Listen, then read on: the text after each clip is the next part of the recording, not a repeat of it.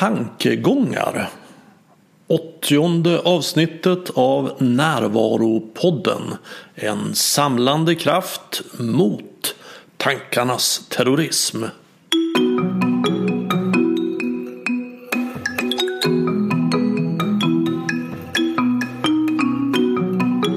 Det här är Bengt Renander. Jag betonar ju ofta vikten och värdet av närvaro. Att rikta sin uppmärksamhet mot upplevelsevärlden istället för tankevärlden. Men det är ju också viktigt hur man tänker, vilka gångar tankarna tar. Det finns alltid många olika sätt att tänka kring det som sker i livet. Somliga är smärtsamma och andra inte. Tendensen att söka sig till de smärtsamma sätten att tänka verkar ligga i människans natur. Det är inget nytt. Redan för drygt 2000 år sedan så såg man det här problemet och funderade kring olika sätt att hantera det. Några av de sätt som jag är speciellt förtjust i eftersom de är så enkla och effektiva är de som stoikerna kom fram till. Här har jag ett samtal med Lars Hammer som är filosofisk praktiker om stoicismen som filosofi, om hur man bör förhålla sig till det man inte kan påverka, till det man kan påverka lite grann och till det man faktiskt kan påverka. Om att befria sig från smärtan i att vara emot det som är. Om att använda sitt förnuft och tänka rationellt. Om att inte prestera inre frid.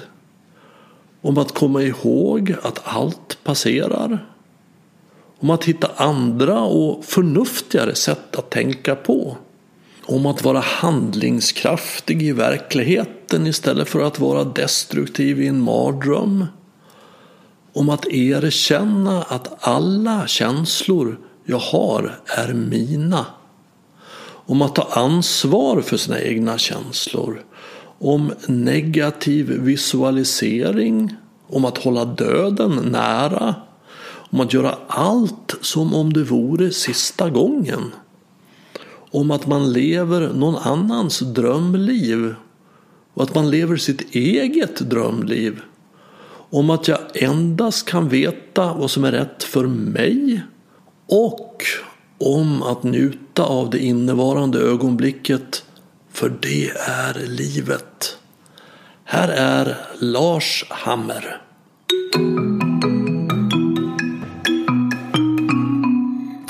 Jag har filosofikaféer på en del bibliotek och i, i andra sammanhang också.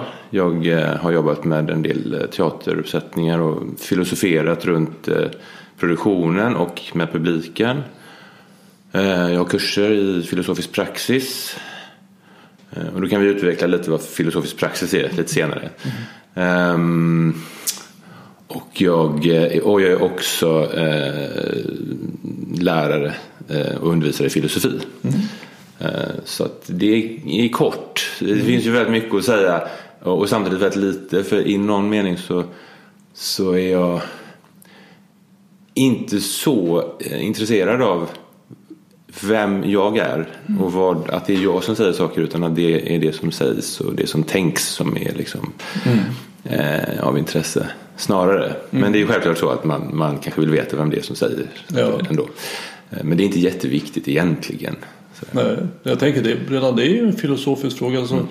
För det är ju skillnad på vem jag är och mm. vad jag gör. Mm. Jag är ju inte det jag gör. Utan, och, och, det är två helt olika frågor. Och den senare, alltså vad jag gör, är väl något lättare att svara på. Ja, det har du helt rätt i. Och det blir ju lätt så. Jag vet det. Jag tenderar att berätta vad jag gör istället för vem jag är. Och det är väl för att det är svårt att säga mm. vem, vem jag är egentligen. Men man kan väl kanske säga att, att filosofi handlar i alla fall till dels om att utforska den frågan. vad innebär det att vara människa? Vem är jag sant? Och, och det är väl för oss väl rakt in i, i stoicismen. Ja. Som ju handlar väldigt mycket om det. Ja. Att alltså hur, hur lever man ett bra liv? En sån här bra levnadsregel som jag tycker finns inom stoicismen är ju att de delar upp verkligheten i, i tre domäner kan man säga. Alltså det jag kan påverka med säkerhet. eh, Och det jag inte kan påverka med säkerhet. Och sen finns det en sorts mellandomän där jag kan påverka lite grann. Och de menar så här att sätt bara mål i domänen där du kan påverka. Helt och hållet. Så att om du och jag ska spela tennis. eh, Eller så här, vi börjar med väder. Vi ska spela tennis utomhus. Vad det är för väder kan jag ju inte påverka överhuvudtaget. Det, så, så det får jag acceptera. Och, eh, och hur matchen går. Det kan påverka lite grann. Men det har ju också att göra med hur du spelar. Så sätt inte ett mål att jag ska vinna matchen. Jag menar, det är ett vansinnigt mål eftersom jag inte kan påverka det helt och hållet. Men däremot att jag gör så gott jag kan. Det kan jag påverka. Så jag kan komma, och, och där börjar jag då sätta målet. Att när vi spelar tennis då ska jag göra så gott jag kan. Och det innebär att jag kan förlora matchen. Men jag har ändå uppnått mitt mål. Och det här, det här är ju på ett sätt sinnesrobönen. Måste ju ha sprungit ur stoicismen på något sätt. Att acceptera det man inte kan förändra. Både förändra det man kan och förstånd och inse skillnaden. Eh, Och jag är beredd att hålla med om det. Eh, Med, med en viss... eh, Mitt idrottspsykologiska verktyg i det sammanhanget kanske är att övertyga mig själv om att jag ska och kan och kommer att vinna den här matchen. För det gör, i någon mening så, så hjälper det ju mig att nå det målet. Men om jag inte gör det då är, då är det ju för mig att acceptera att ja, jag gjorde mitt bästa för att uppnå målet. Men det lyckades inte eftersom min motspelare var betydligt bättre än vad jag föreställde mig. Eller jag råkade ut för någonting på vägen. Vad det nu än är. Och acceptera det. Så, eh, så detta med att eh, vad ska man säga, visualisera eller sätta upp de här målen på ett tydligt sätt. Det vet inte jag om det är entydigt problematiskt. För det finns någonting osäkert i att säga att jag ska göra mitt bästa. Men vad är det då? Vad är mitt bästa? Hur vet jag att jag gör mitt bästa? Tänk om jag blir osäker på att jag gör mitt bästa mitt i eftersom jag inte har en tydlig målbild i det här sammanhanget. Eh, Så det, är- det, är- det, är- värt att undersöka. Eller vad ska Det är man värt att, värt att filosofera kring. För att en, en, en aspekt också är ju att, att, att om jag sätter upp som mål att vinna så är det inte säkert att det hjälper mig heller. Nej. För att, att det, det kan vara att om jag då ligger under så blir jag stressad. Mm. Och, eh, för att, Men att om jag har målet att ständigt göra så gott jag kan så kan jag göra det hela tiden. För jag Ja. har kontroll över det. Och det tror jag är det som sto, stoikerna är ute efter. Ja, ja. Nej, men jag, jag Att inte med. lämna ut sig till omvärlden för Just att, det. att man ska checka av sin lycka. Utan ta kontroll och ansvar för dig själv. Dessutom, dessutom slår det mig nu att det är två helt olika förhållningssätt till det jag gör. I det ena fallet så handlar det ju bara om det som, som är sen. och så ska jag bara ta mig dit. Och i det andra fallet är det att vara här och nu och göra, vara med i processen helt enkelt. Och så får vi se vad det blir av det. Men det är egentligen oviktigt. Precis som i det filosofiska samtalet. Vart vi hamnar det är inte det centrala utan det är att vi är här nu. Ja, Ja. i närvaron. Och där tycker jag också stoikerna är väldigt, väldigt tydliga. Att det, det, det är nuet, här och nu. Det är det som gäller. Fokusera på det här nu. De har, det finns en det måste ju vara latin. Amor fati. Just det. älska allting som händer. Och, och det innebär ju att, att man, man ger upp kampen mot verkligheten. Så att älska det som händer. Så jag tar emot det som händer. Allting som händer säger jag inte bara okej till, för det brukar jag prata om, för det är vägen till närvaro, att acceptera det som händer. Utan då går det steg längre och det förstår jag. Så att älska det som händer. Frun kommer hem och säger att jag har träffat en annan, jag vill skiljas. Huh, Älska det som händer. Det är svårt. Men de ser att det finns en visdom där. I att faktiskt inte vara emot det som händer. Och vad är visdom? Det har ju redan hänt. Mm. Det är redan. Att vara, då ser det sinnessjuka i att vara emot det som redan är. Mm. För att det är redan.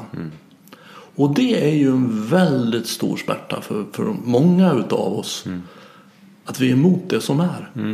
Men jag tror också att det kan, det råder en missuppfattning om vad det innebär. För att då, vad ska man säga, när, när stoicismen får kritik så handlar det ofta om att den verkar känslofattig och eh, ja, man hanterar en sån allvarlig situation som en skilsmässa till exempel på ett stoiskt sätt då, det vill säga utan att visa känslor. Men det, jag tror inte att det är det de menar utan det handlar mer om att ja, det här är ju fruktansvärt jobbigt. Jag blir ledsen, jag blir sårad, jag blir eh, mår dåligt.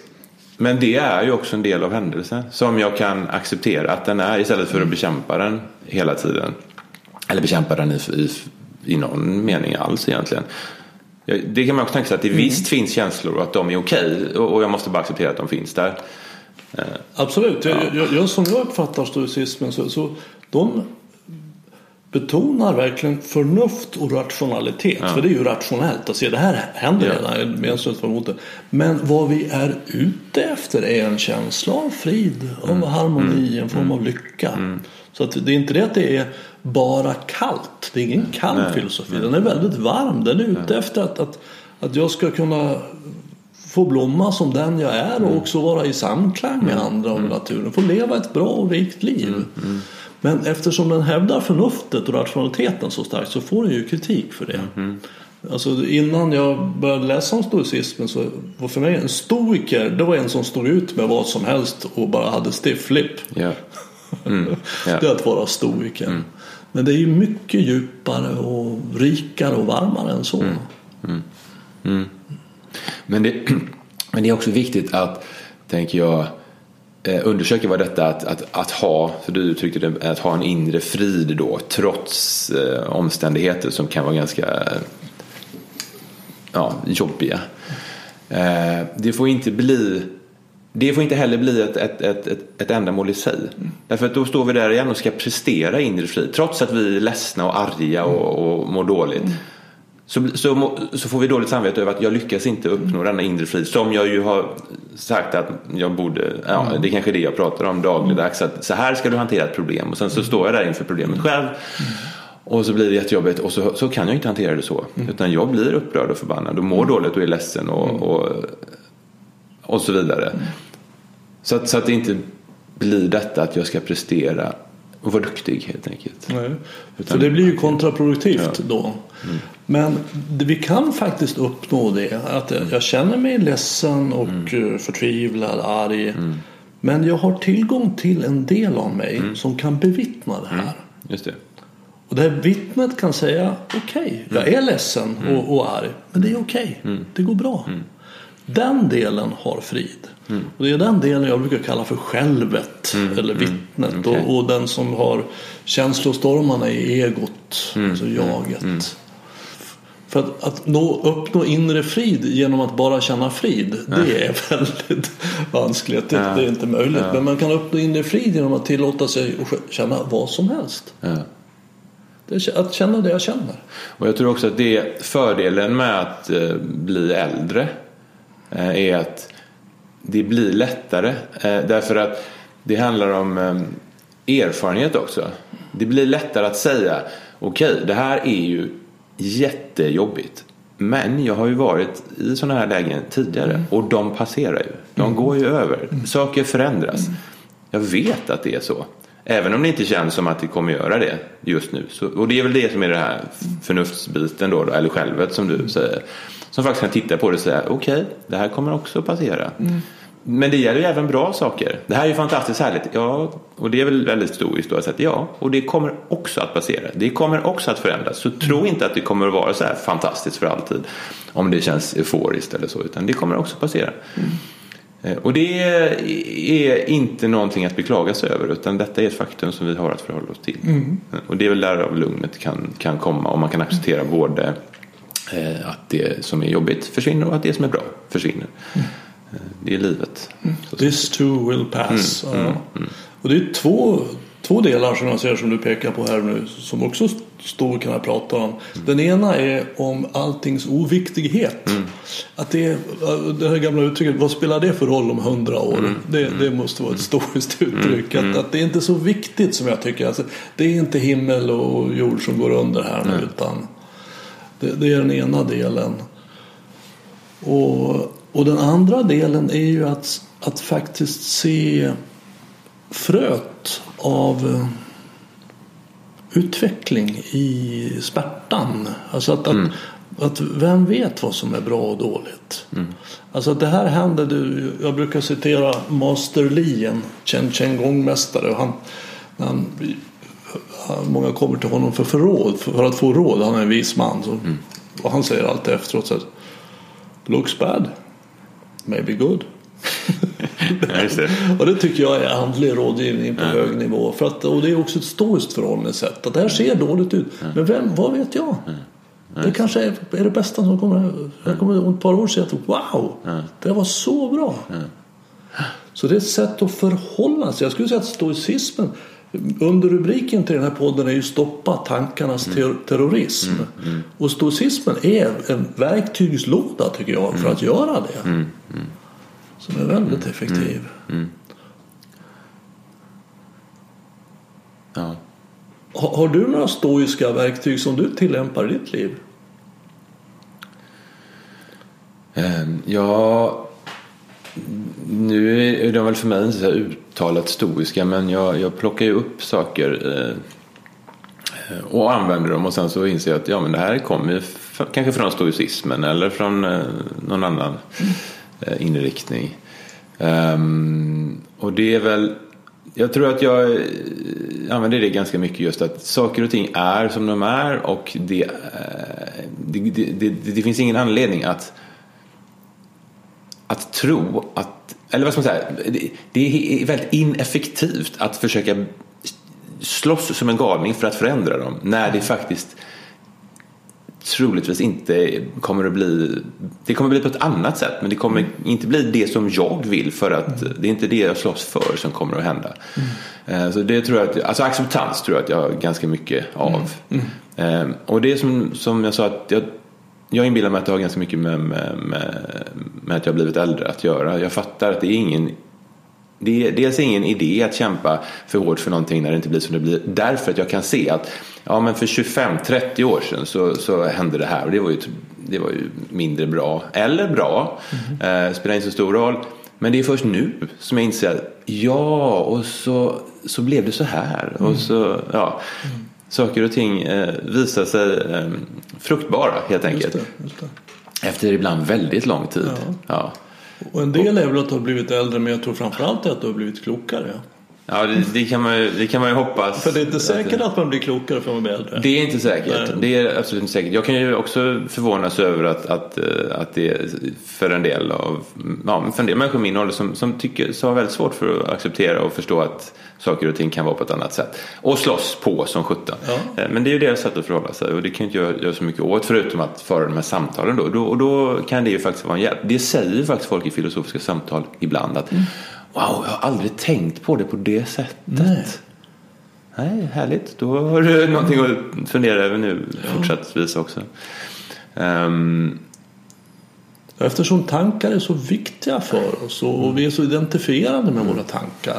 Så om vi tänker på ett sätt och många gånger så tänker vi på ett sätt som orsakar oss mycket smärta.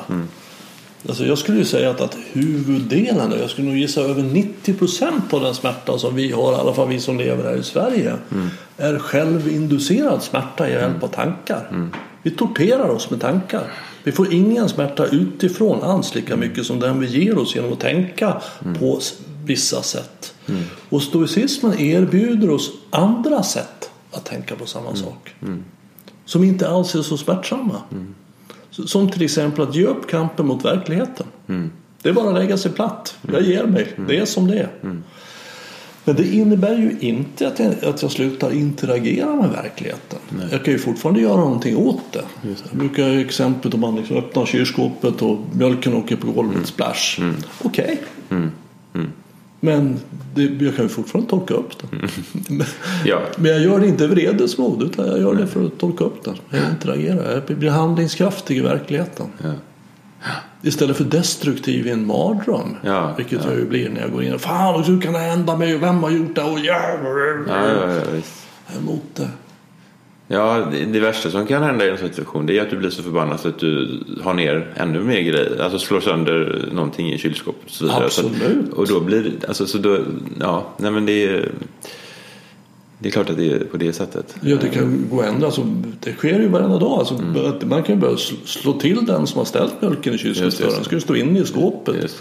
Skjuta person, kasta ut den från balkongen. Alltså det finns ju, vi är inte kloka vi människor. Det är fullständigt galet. Det är bara att titta i morgontidningen varje morgon och se vad- hur, hur otroligt tokigt det kan bli. Mm. Ja, alltså så är det ju. Samtidigt så är det ju så väldigt mycket som är precis motsatsen. Där folk agerar på ett sätt som är man blir förvånad över hur, hur samlat eh, det sker och hur, hur kompetent eh, folk beter sig i ja, men situationer och, så här, och, och, och hur bra det är bara. Eller, eller enkelt positivt. Så, här, ja, men vad, vad fin skjorta du har idag.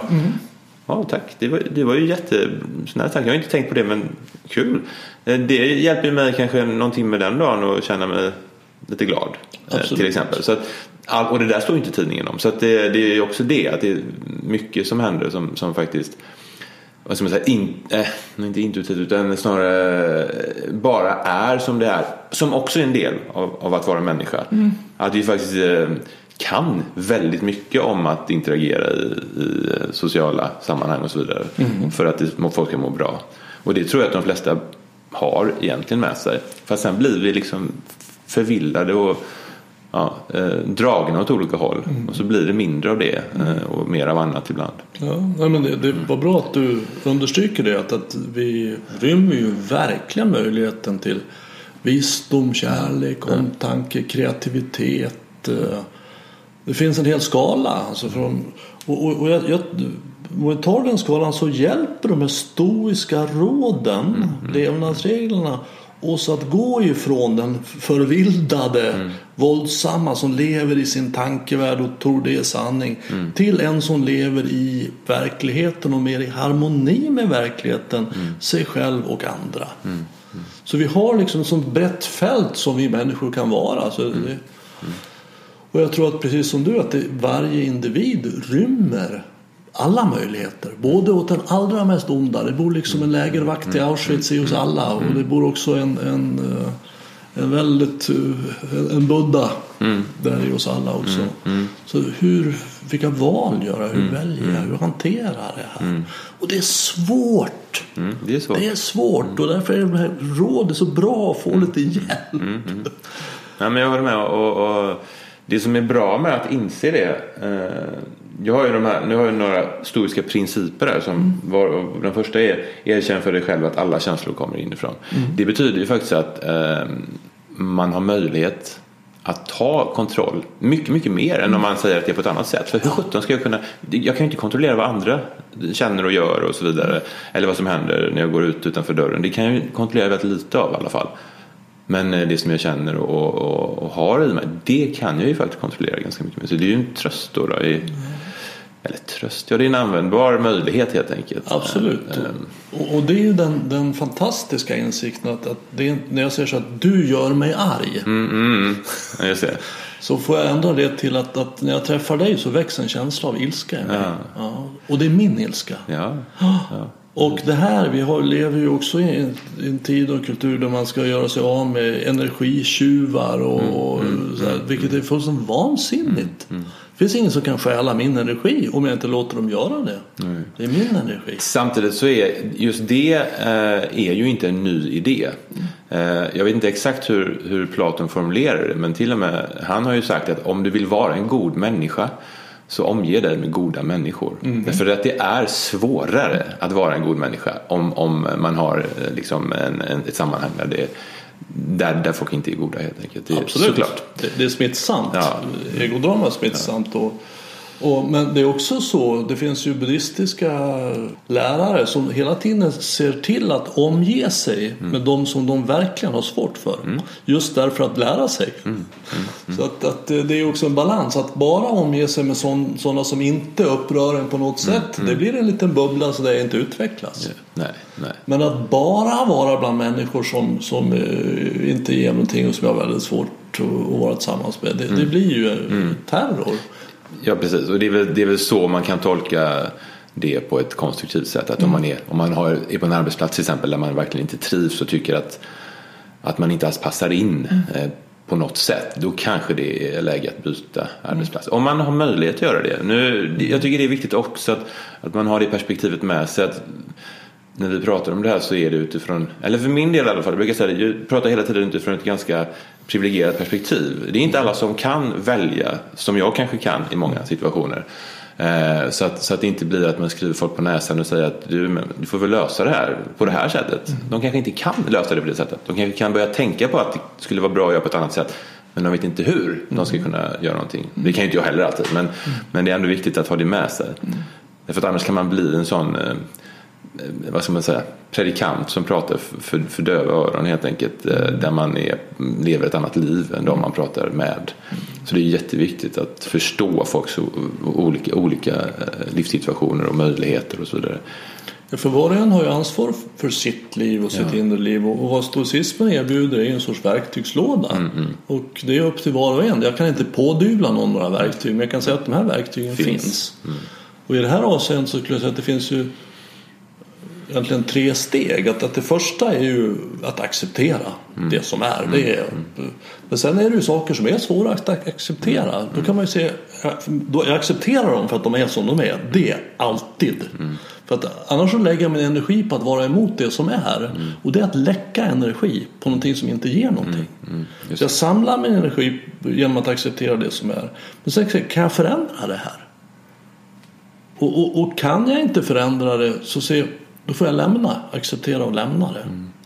Och kan jag inte lämna det då får jag gå tillbaks till att acceptera det. Mm. Mm. För är jag emot det som sker så kommer jag att lida oavsett omständigheter.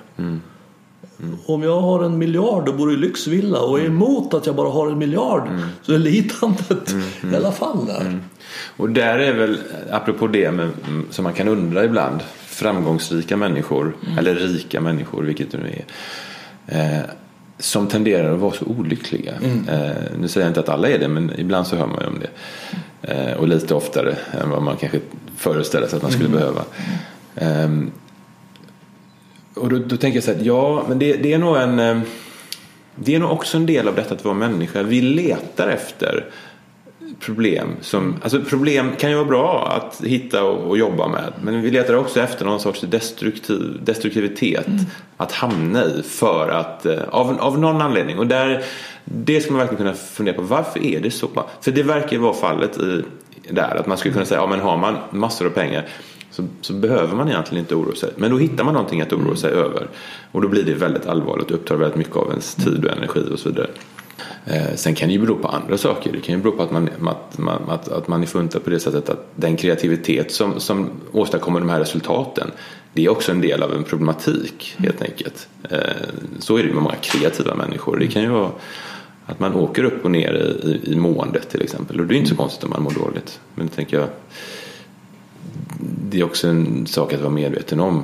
Eh, och det förstår man ju inte när man bara läser eller hör om det. Att, ja, för, för mig har det blivit så att ja, det, är synd om de, det är synd om de väldigt rika. De verkar må så väldigt dåligt. men jag tänker att, att det där hänger samman med en psykologisk me mekanism som är relativt väl beforskad som kallas för hedonistisk tillvänjning. Mm. Alltså vårt, det mänskliga sinnet är sådant och det är ju evolutionärt gynnat. Det förstår man ju. Mm. Att så fort vi har ut, uppnått en utvecklingsnivå så längtar vi efter nästa. Mm. Vi har väldigt svårt att glädja oss åt det som är. Det. Och, och, det är klart att man förstår att det måste vara så för annars hade ju de på stenåldern sagt nu har vi kommit till stenyxan. Mm, mm, wow! Mm. Det här räcker. Ja. Nu är vi nöjda. Ja. Men vi är aldrig nöjda, ska hela tiden vidare. Ja. Så att det här är någonting som finns mm. evolutionärt mm. nedärvt i vårt sinne. Ja. Vilket innebär då att vi kan vara missnöjda jämt. Mm. mm. Och jag tycker stoicismen då be, motverkar, adresserar det här på ett otroligt effektivt sätt. Och, och det finns flera olika sådana, vad ska man kalla det, tips eller levnadsregler. En är ju negativ visualisering. Alltså att, att jag istället för jag tycker det är ganska roligt att man, man ska tänka positivt. Så tänk negativt. det. alltså, alltså tänk på att, att, att du, du blir av Just det. med, med det du har. Att din, din släkt, din partner dör. Tänk dig att du blir av med din, att du har fått ett besked att du har cancer. Tänk dig att, att du aldrig fick det här jobbet. Vilket ju är fullt möjligt. Att, att tänka sig och, och det är fullt möjligt att det kunde ha varit så. Vilket leder mig till tacksamhet. Som är, är antidoten mot hedonistisk tillvänjning. Just det. Tacksam över det som är. Och jag tycker det finns en som jag använder ofta som låter hemsk när man säger det. Men den, den är så effektiv. Och det är att hålla döden nära. För det kommer att vara en sista gång som vi gör allting. Vi vet förmodligen inte om när det är, men det kommer vara en sista gång som jag äter frukost, tar en promenad på Djurgården eller åker utomlands eller vad det nu än är. Och att gör det, gör det du gör som om det vore sista gången. Att ta den här promenaden på Djurgården som att jag kommer inte att göra det mer. Det här är sista gången. Och verkligen njuta av det. Träffa mina barnbarn som om det vore sista gången jag gjorde det. Ja, då, det låter ju jättejobbigt. Nej, nej, nej. Jag tar tillvara på det. Och det finns ingen risk med det. För det kan ju vara så att, att det visar sig att jag eh, blir förlamad i benen eller att barnbarnen försvinner. Eller jag. Det finns ingen nackdel med att ha, att ha ta, tagit tillvara på nuet, på stunden. Och det är också närvaro. Ja. Gör det som om det vore sista gången. Det finns en princip apropå detta då där eh, som är påminn dig själv om att tid är vår absolut värdefullaste tillgång. Eh, och sen så tänkte jag att jag citerar faktiskt från Marcus eh, Aurelius som skriver så här. Lev inte som om du har ett oändligt antal år framför dig. Döden finns alltid i din närhet. Medan du fortfarande lever och har förmågan. Var god. Jag tycker det är fantastiskt. För det är, inte, det är inte bara det här att leva alltid medvetet om det här utan förhåll dig också på rätt sätt till det. Det vill säga, var god. Och det kan betyda massa olika saker men det betyder definitivt att man ska vara medveten om att nu gör jag någonting på rätt sätt. Eh, och det är inte säkert att jag lyckas göra det på samma sätt som igår eller förrgår eller så. Men, men min, min strävan är att vara, vara god, att göra mitt bästa helt enkelt. Och det är också intressant med stoicismen för den är rätt sträng på det sättet. Men det kanske också är ett verktyg att förhålla sig till att vi kan vara stränga mot oss själva eftersom vi har möjligheten att liksom vara disciplinerade, att hitta eh, rätt sätt. Eh, det betyder inte att det är samma rätt sätt för alla, men för mig ska det kännas som att det här jag gör nu är av rätt anledning, på rätt sätt. Eh, och det känns eh, harmoniskt i någon mening. Och så fort det inte gör det så ska jag nog inte straffa mig själv men ta ett steg tillbaka och säga vad hände nu? Varför gjorde jag sådär? Eller jag vet kanske varför jag gjorde så men nästa gång ska jag försöka göra på ett annat sätt. Eller redan nu ska jag försöka göra på ett annat sätt. Ja. Eftersom det kan, som du sa, det kan vara sista eh, gången faktiskt. Och, och, och det kommer att vara sista gången. Någon gång. Ja, Ja, precis. Det kan vara, men det kan ju vara Då nu. tar jag tillvara på den. Mm. Men det är ju jätte, jätte, jättesvårt att... Eh, för det handlar ju verkligen om att acceptera. Och att disciplinera sig själv till att orka tänka den tanken. Detta kan vara sista gången. Vi, vi, vi gör ju allt för att förtränga. Det är ju Absolut. Någon, det är ju någon sorts eh, livsdrift som vi har. Att nej, nej, nej, nej, nej, det kommer inte hända mig. Ingenting kommer hända mig. Allting kommer hända alla andra, men inte mig. Nej, Om jag dör så... Ja, just det. Precis, de. Ja. Men idag har vi ju faktiskt de som är av den åsikten att det är inte säkert att vi behöver göra det. Nej. Vi kan nog komma till rätta med den lilla problematiken om, vi, om vi jobbar hårt för det. Och det ska man ju inte säga att, att vi inte kan, men, men det finns också ett värde i att fundera över, men är det, är det verkligen är det värt då? Skulle det vara värt att ha evigt liv till exempel? Och då tänker jag att nej, det vet ju sjutton alltså.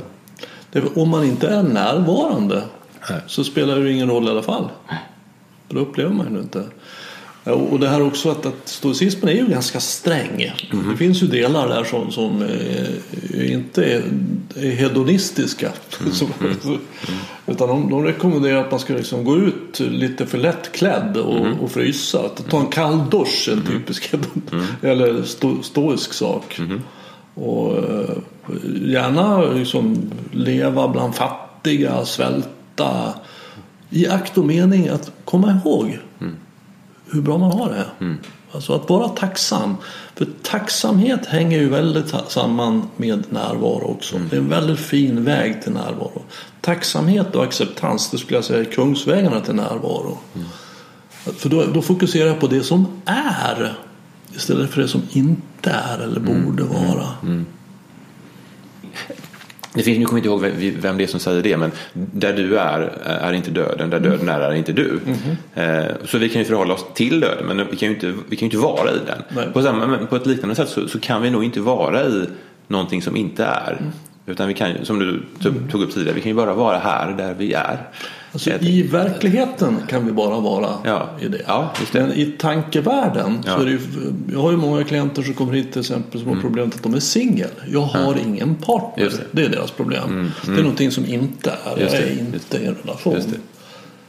Men det, eh, jag, jag brukar säga det att om du tar, gör en lista på det du är tacksam över och så gör du en lista på dina problem. Så kommer vi att upptäcka att det du är tacksam över kan du och jag åka iväg runt och titta på. Alltså din lägenhet och ditt jobb eller din partner, dina vänner eller vad det nu är för någonting du är tacksam över. Allting finns i verkligheten. Men listan med problem kan vi inte åka runt och titta på i allmänhet. Därför att de finns i tankevärlden. Var, var åker man och tittar på att jag inte har en partner? Ja, det finns inte någon annanstans än i tankevärlden. Och det är lite så du menar tänker jag. Ja, jag vet inte riktigt vad jag menar. Jag filosoferar lite runt det här och ibland blir det ju oklart. Eh, Men jag tror att det, det har med det att göra. Och sen slår det mig också att det som vi ibland eh, säger när vi, har, eh, när vi ska visa eller förklara för små barn vad som är rätt sak att göra och inte rätt sak att göra och så vidare. Då säger man att man kan inte säga vad man inte ska göra. Därför att de förstår inte. Vad betyder det att inte göra någonting? Då gör jag det i alla fall. För det. att det har ju någonting med det att göra. Det är bättre att säga att gör så här. Ett alternativ helt enkelt. Just det. Och det, borde ju, det säger vi att det gäller för barn men det kanske gäller för oss också. Som du säger med dina Mm. klienter som har massa på inte-listan. Eh, istället säger men jag är singel. Okej. Mm. Så Så är är det det då? Och, och, och vad är du mer? Ja men du är ju en, eh, en förälder, du är ju en kompis, du är ju eh, du, du är ju en arbetskamrat och så vidare. Så att det finns ju massa saker att förhålla sig till som du sa. En annan del som de har inom stoicismen som anknyter till det här som jag tycker är ett bra tankemönster det är, det är att komma ihåg att jag lever någons drömliv. Alltså som jag har det. Även nu om jag, min fru har lämnat mig eller vad det nu är för någonting. Så finns det många som har mitt liv som drömliv. Som skulle kunna ko- komma hem till mig och säga Wow, mm. går det vatten ur kranarna? Ja men min fru har lämnat det, det tar jag. Jag tar ditt liv direkt. Ja. Man, man, man kan faktiskt till och med vrida det ett varv till och säga att du lever ditt eget drömliv i, i vissa eh, meningar. Därför att du har tänkt den tanken någon gång. Så, Åh, det vore så bra om det vore på det här sättet istället. Ja, nu är det det. Eh, och då kan man säga att ja, det var väl bra. Och sen finns det de som säger att ja, du, det var ju vad du önskade dig så var försiktig med vad du önskade. Så att det går ju att undersöka det där på olika sätt. Men, men om man vill välja att se det ur ett konstruktivt perspektiv så kan man ju faktiskt säga det att detta är också en erfarenhet som jag eh, får, som jag inte skulle få annars. Absolut. Och, jag, och det här är ju då ett sätt att tänka som leder mig till mer harmoni och frid. Därför att de är mer förnuftiga, rationella. Och alltså mer i samklang med verkligheten. Det är ju faktiskt så att jag lever mitt eget drömliv också i ytterligare en bemärkelse. Och det är utifrån framtiden. Jag kommer förmodligen en dag i framtiden när jag är gammal Just och sitter på, kanske jag inte kan gå eller är sjuk. Och, så kommer jag tänka tillbaks på den här dagen. Ja. Jag tyckte det var så jädra jobbigt att jag liksom fick bli avskedad eller frun lämnade mig eller vad det nu är för någonting. Men jag hade det ju fantastiskt. Gud vad det var otroligt och jag kunde gå på Djurgården. Ja, ja. ja men det ja, Ja, men jag, jag håller med om det fullständigt. Och det är ju så härligt när man faktiskt, de dagarna som man är fungerar på det sättet att man, eller man, jag tänker precis så. Mm. Då, då, då, är det så härligt för då, jag kan sitta i min soffa och så kan jag bara titta ut i lägenheten och säga oh, vad härligt, vad privilegierad jag är, vad bra det är. Här sitter jag och lampan funkar och, och soffan är mjuk. Och, och kylskåpet, där finns det mat och vattnet kommer ur kranen. Mm. Alltså det låter så banalt men det är ju så viktigt, har jag i alla fall tänkt att vara medveten om. För att det är ett drömliv. Och definitivt om man jämför med väldigt många andras situation. Mm. Allting bara fungerar. Och sen så mm. hackar det ibland. Mm. Men herregud, mm. det gör det.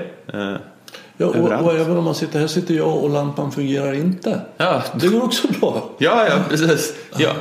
Då kan jag göra något åt det eh, också. För när jag är närvarande, för det handlar ju om att vara närvarande, att mm. se det som är mm. istället för att fokusera på det som inte är. Mm. Det, tar, det är ju närvaro.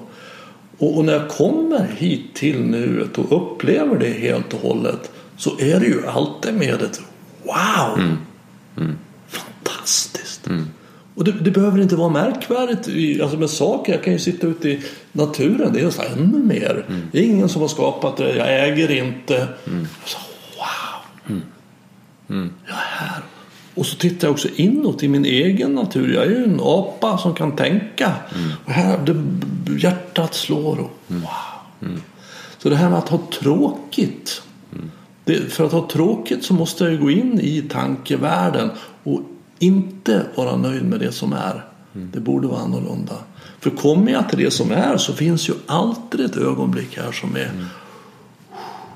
Mm.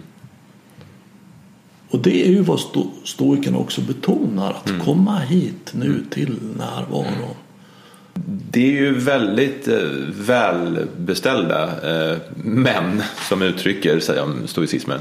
Eh, inte, det är inget problem med det men man ska ju vara medveten om det i alla fall. Men, men ska vi undersöka den frågan? Eh, om, för det är en intressant fråga. för att är stoicismen framförallt för de välbeställda? Alltså de som kan sätta sig ner och se sig runt och se att de har en fint hus och de har det bra?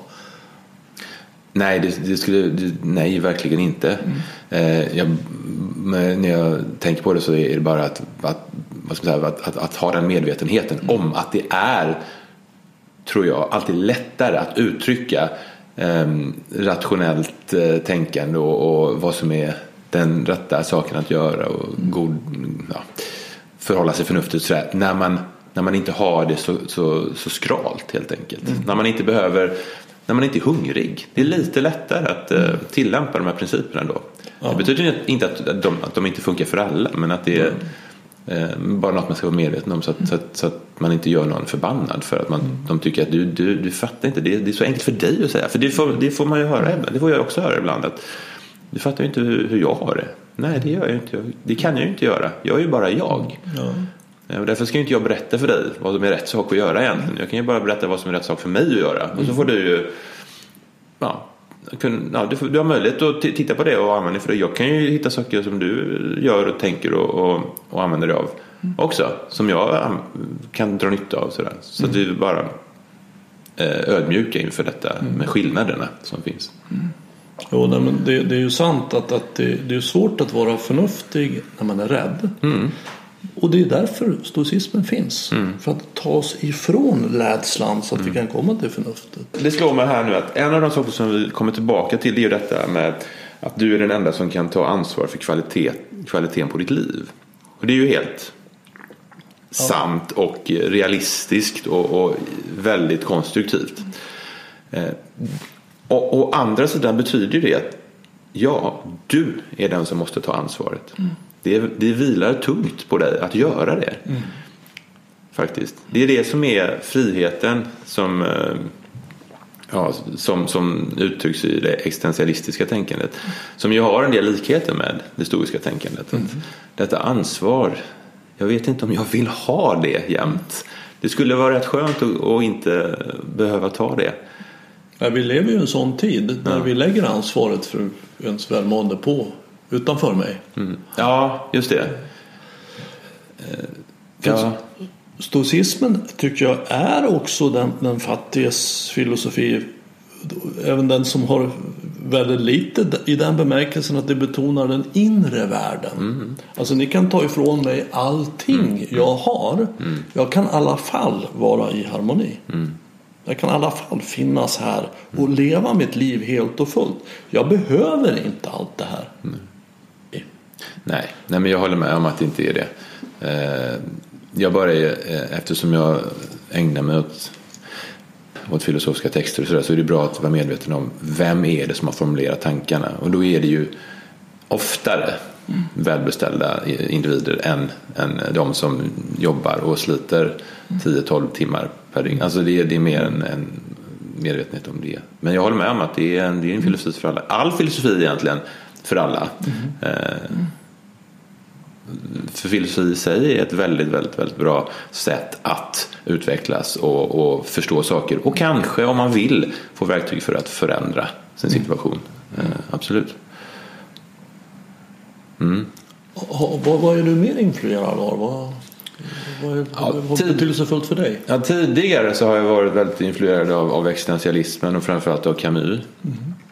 Eh, på, på senare år så har det känts som att det finns en sån dysterhet i, eh, i de tankarna.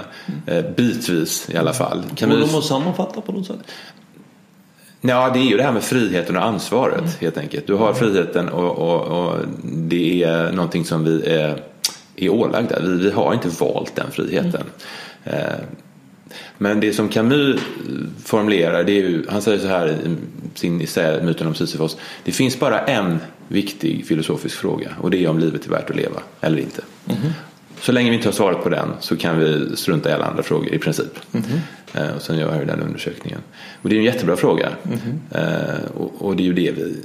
Jag tycker det är spännande för att när, när vi har samtal och filosofiska kaféer och sådär så försöker jag ju att eh, ställa ganska vardagsnära frågor. Inte de här stora, vad är ett gott liv och vad är demokrati och så vidare. Det är intressant. Men det är mer intressant för mig att ställa en fråga som eh, hur, hur vill vi ha vår vardagsestetik? Eller varför går jag till jobbet på morgonen? Eller vad det nu kan vara. Enkla vardagliga frågor. Därför att vi kommer till de existentiella frågorna i alla fall förr eller senare. Alltid, oavsett var vi börjar. Ehm, Så på, så på det sättet så dras eh, jag väl till det existentiella. Vilket de flesta i någon mening gör. För vi, det är ju så vi, vi, vi, undersöker vår existens. eh, Med hjälp av verktyg som vi har. Eh, Sen kan jag ju bli influerad av, av moralfilosofi från olika håll. Från Kant, från, eh, ja, från olika filosofer. Därför att det är också en typ av verktyg. Det hjälper mig att fundera över, okej, är jag, handlar jag på det här sättet eh, av, av den ena eller andra anledningen? Tittar jag på konsekvensen eller tittar jag på att det, är, att det är rätt sak att göra? Det vill säga skillnaden mellan effektetik och pliktetik till exempel. Eh, Och då slår det mig att jag, jag, jag inbillar mig att stoicismen är mer av pliktetisk än, än effektetisk till exempel.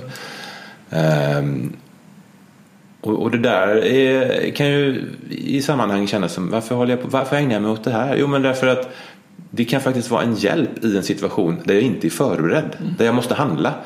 Eh, att ha tagit ställning redan. Jag eh, gör saker som jag tror är rätt av den här anledningen. Det förenklar helt enkelt. Så till, till, till början med så försvårar det genom att jag måste ställa frågan och undersöka det. Men sen när jag väl står inför eh, faktum så kan det förenkla. Jag tänker så här när jag hör dig berätta att, att, tankar är ju ett verktyg för oss människor. Och, och om de bara är vilt fria så kommer de att gå till rädsla. För att, att hjälpa oss att överleva. Alltså rädsla är ju evolutionärt gynnat. Så att vi ska räkna ut och komma ihåg allt hemskt som har hänt. Räkna ut allt som ska hända. Och vilket blir väldigt destruktivt för oss. Evolutionen är ju inte klar, den kommer aldrig bli det. Nu är vi i en fas av evolutionen där vi har ett väldigt utvecklat tänkande men, men det terroriserar oss i hög grad. Men filosofi hjälper oss att använda detta verktyg, tankarna, tänkandet till att vara konstruktiva istället. Och jag, jag såg att det är något väldigt vackert i det. Att vi kan använda det här som, det, det är som en kniv. Vi kan mörda med den men vi kan också rädda liv med den. Och, och filosofin sysslar ju väldigt mycket med tankar. Hur vi tänker kring saker. Men vi gör det på ett konstruktivt sätt. Ja. Eh, Det är ju hela tiden övningar kan man säga. Ehm, Och vi har ju inom eh, filosofisk praxis ett, eh, ett verktyg kan man säga som heter tankepaus. Ehm, Och det betyder ju, när man för ett samtal, betyder det helt enkelt att man tar en paus, formulerar kanske en fråga, tänker igenom någonting och sen går man vidare i samtalet. Så att alla som deltar i samtalet genomför den här tankepausen. Men sen när jag har tänkt vidare på det så, så, så, så betyder det ju faktiskt eh, att vi kan också ta en paus från tankarna. Så vi kan ta en paus för att tänka men också en paus från att tänka. Helt enkelt. Det, det, är, Betydligt svårare. det, är, lätt, det är lite svårare. Ja. Ja. För vi styr ju inte över våra tankar. I, Nej, nej. Alltså det, är, Nej. det är väldigt svårt att säga att nu ska jag inte tänka något. Nej, nej, men det är klart, man, nej, det, kan- det kan man ju inte göra. Man kan ju inte stänga av dem. Men man kan ju eh, man kan ju kanske lugna ner dem. Eller, ja, och det är till exempel då i, i meditation. Exakt. Eh, Ja, ja, Man kan träna, träna upp sin Ja. förmåga att rikta uppmärksamheten mot, ja, mot eh, att uppleva saker Ja, istället för att tänka kring saker. Och man kan ju också göra det på andra sätt genom att koncentrera sig på någonting väldigt som kräver fokus helt enkelt. Jag kastar dart eller vad som helst egentligen. För då har jag ju det, åtminstone under de sekunderna som jag ska kasta pilen så är det ju det som jag gör. Ingenting annat för då om jag börjar tänka på annat då kommer jag ju inte Nej. kasta lätt. Jag tror att det är den stora attraktionen med, med hobbyverksamhet. Mm. Att jag är närvarande när jag gör det. Ett med det jag gör. Det. Ehm, Men sen är det, vad ska man säga, det, det finns mycket man kan prata om det här med närvaron. Eh, Jean-Paul Sartre eh, som är en av de kända existentialisterna. Han menar till exempel att ja, jag vet inte exakt hur han formulerar sig men han menar väl att det, det, det är nä- nästintill omöjligt eller helt omöjligt att vara i nuet. Därför att vi transcenderar oss själva hela tiden. Och det, om man börjar fundera på det så ja, att vara här helt, helt fullt utan överhuvudtaget vara medveten om att det finns ett rum där också. Och det finns en tid alldeles där jag var nyss och jag ska sen dit. Eh, Det är väldigt, väldigt svårt. Och för honom är det eh, ett sätt att säga tror jag, att vi, vi är inte det här utan vi är hela tiden en process. Som svar på din första fråga, vem är jag då? Jo, men en, en, en process som, som, som föränd, en föränderlig Ja, process. absolut. Eh, Ja, mer som en eldslåga på ett ljus. ja, Ja. Det tycker jag är en fin bild av, av att vara människa. Ja. Faktiskt. Uppleva hur fantastiskt det blir och vilken skillnad det blir när jag kan rikta min uppmärksamhet mot det här innevarande ögonblicket och vara här nu istället för att leva i min tankevärld som ju väldigt, väldigt ofta är mycket smärtsam och terroriserande. Och det finns ju sådana situationer när man, när man hamnar i det där, till exempel om man, om man skrattar väldigt innerligt tillsammans med någon annan. Då är man ju bara i det där eh, skrattet just då. Eh, Det behöver man inte fundera över. Utan det är så tydligt. Och det finns det andra. Det finns ju flera sådana. Väldigt älskar. ja, väldigt Ja. intensiva situationer där man, där man inte kan vara någon annanstans. Där man inte vill vara någon annanstans. Och därför eh, så blir det väldigt, väldigt påtagligt nu.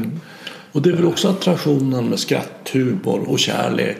Mm, Att det är stunder då vi får vara närvarande. Och uppleva helt och fullt hur det är att vara jag. Mm, Att vara människa.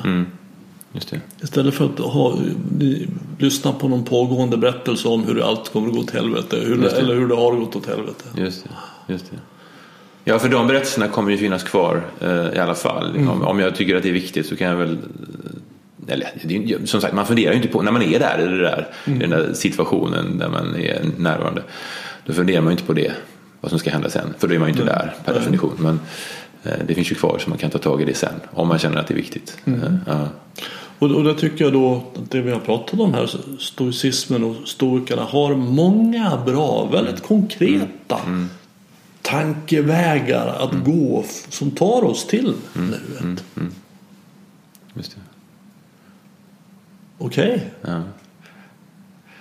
har du några bra slutord? Ett gott liv innebär att ägna mindre tid åt att jämföra, kritisera och konsumera och istället ägna mer tid åt att skapa, lära och leva. Tack. Tack.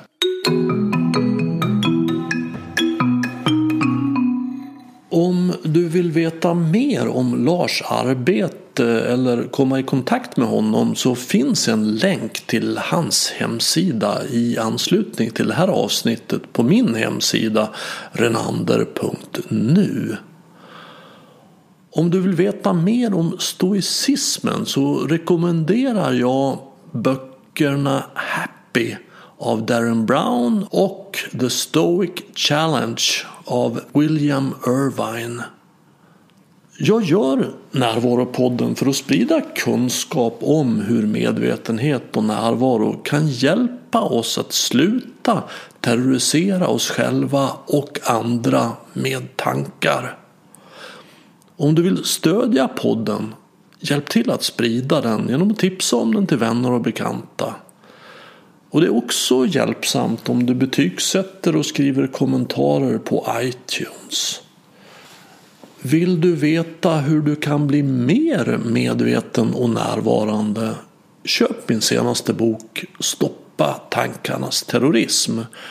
Boken har fått många positiva omdömen som tydlig, klar, enkel och väldigt användbar. Och att du dessutom stödjer mig i det här arbetet är ju en positiv bieffekt. Enklast köper du boken via hemsidan renander.nu och jag signerar den gärna om du vill. Har du något ämne eller person som du tycker skulle passa här i Närvaropodden? Tveka inte att kontakta mig och enklast gör du det via kontaktformuläret på hemsidan renander.nu. Desto fler vi är som är vakna i verkligheten, ju mer kan vi förändra den på riktigt på återhörande och du var uppmärksam.